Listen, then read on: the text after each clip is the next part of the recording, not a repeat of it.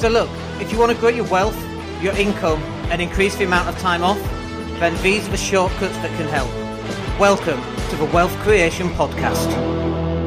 And welcome everybody, it's Dan Latto speaking. Hope you're well today. So welcome to the Mindset and Hustle show. In today's session, I want to talk about mental well-being.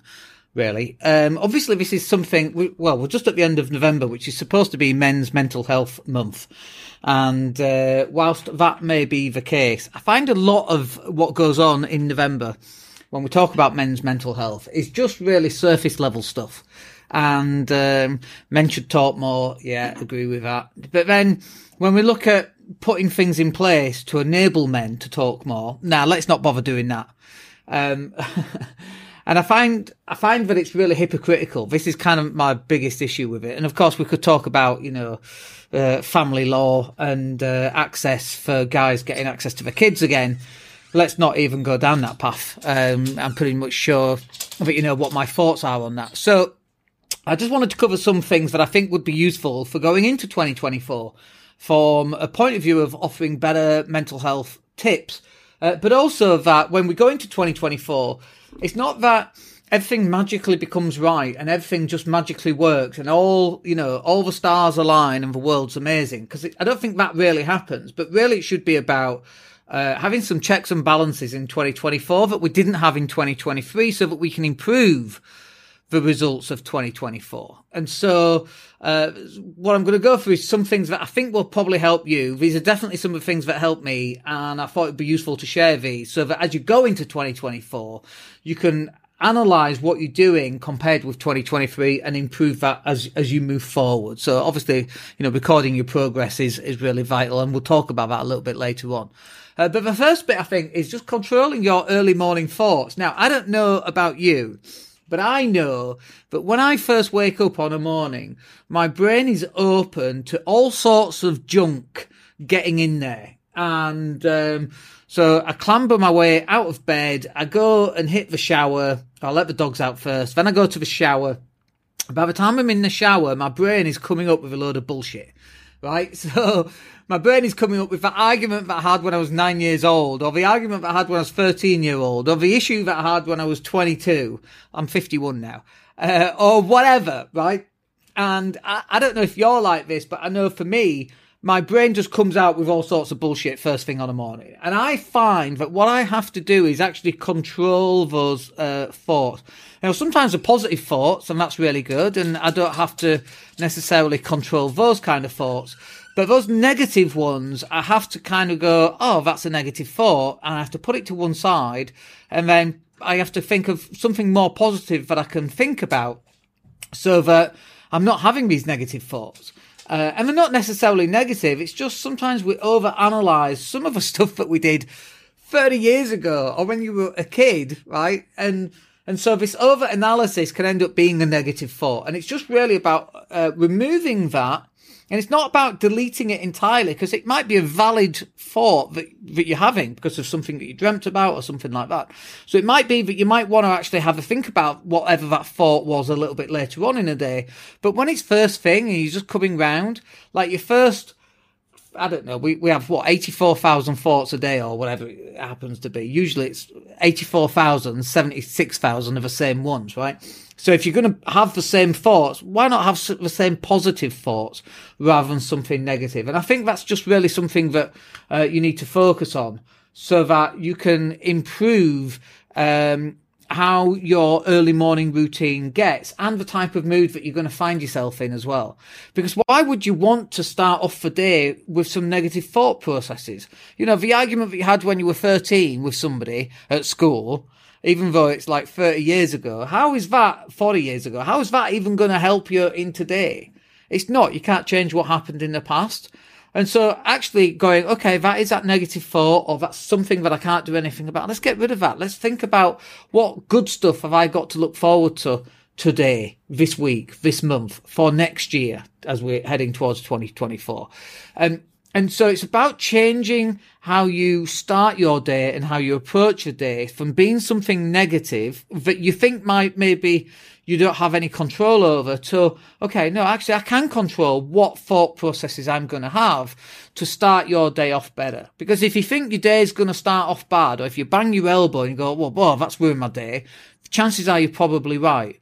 But if you bang your elbow and you go, well, that's a really good luck symbol for the rest of the day, then that's probably correct as well. So you've got all these choices in life that we can make about what thoughts you actually have, what thoughts you want to start off your day, and why start off a day negative when actually you can just change those thoughts and, and start off with something a bit more positive. Um, so that's something that you can do. The next one is really is just to recognize the signal. So when you feel yourself going down a particular darker path, and I think we can all kind of feel that that's coming along. I certainly can. And it's just about recognizing, oh, I'm having some negative thoughts here or some darker thoughts or some thoughts that are not conducive to me feeling good. How about I change some of those thoughts and um, I have more positive thoughts? And we would call that, by the way, in NLP, we, we would call that a pattern interrupt, where you interrupt the pattern First of all, in order to interrupt the pattern, you have to recognize the signals that you're actually having and, and what's going on in that pattern. And when that's recognized, you should have some pre, um, uh, pre-existing pattern interruptions. So when you recognize that you're going down a darker path or you're having some negative thoughts or some, not negative thoughts, but some thoughts that are not conducive to you having a good day, you should recognize that. And then, well, what are the things that you could do to have um, uh, some better thought patterns to interrupt the negative ones to go, oh, I'm, I'm having some negative thought patterns and to go, actually, I'm going to have some positive ones. So first bit is you've got to recognize them, listening to your own thoughts, listening to your own head. If you talk to yourself like I do, uh, which some people find weird and other people think, yeah, that's normal. Um, listening to the words that come out of your language. If you're speaking to people, listen to those words again. When people go, how are you doing today? Listen to the language that you're using.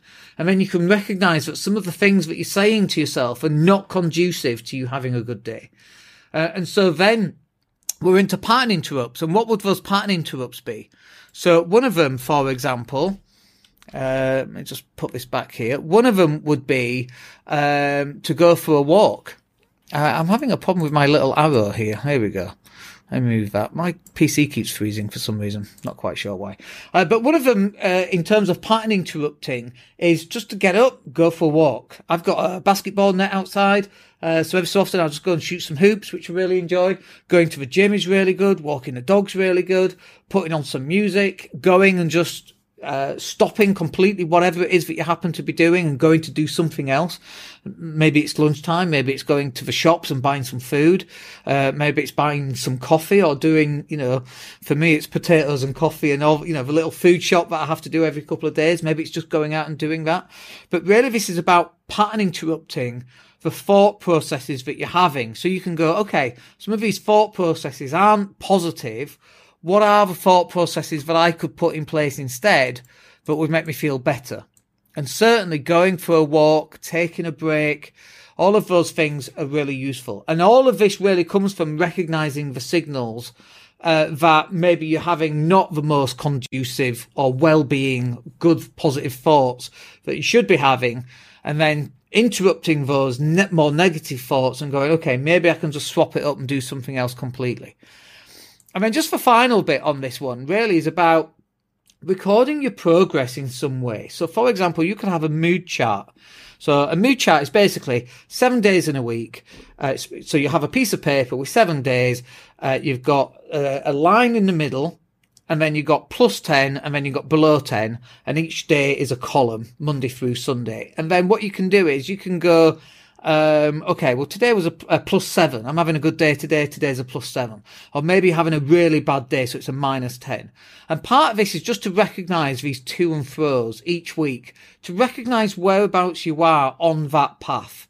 And just by looking at something, you can change the thing itself. So if you're having a good week and you've got loads of plus sevens, that's awesome. So then the thought process could be, I'm having a really good week. Let's keep it going. Let's keep the momentum going. Let's keep doing what I'm doing because I'm clearly feeling good. And by the way, if you're feeling good, your results will be good, right? And if you're feeling bad, your results will probably be reflective of, of how you're feeling right now as well.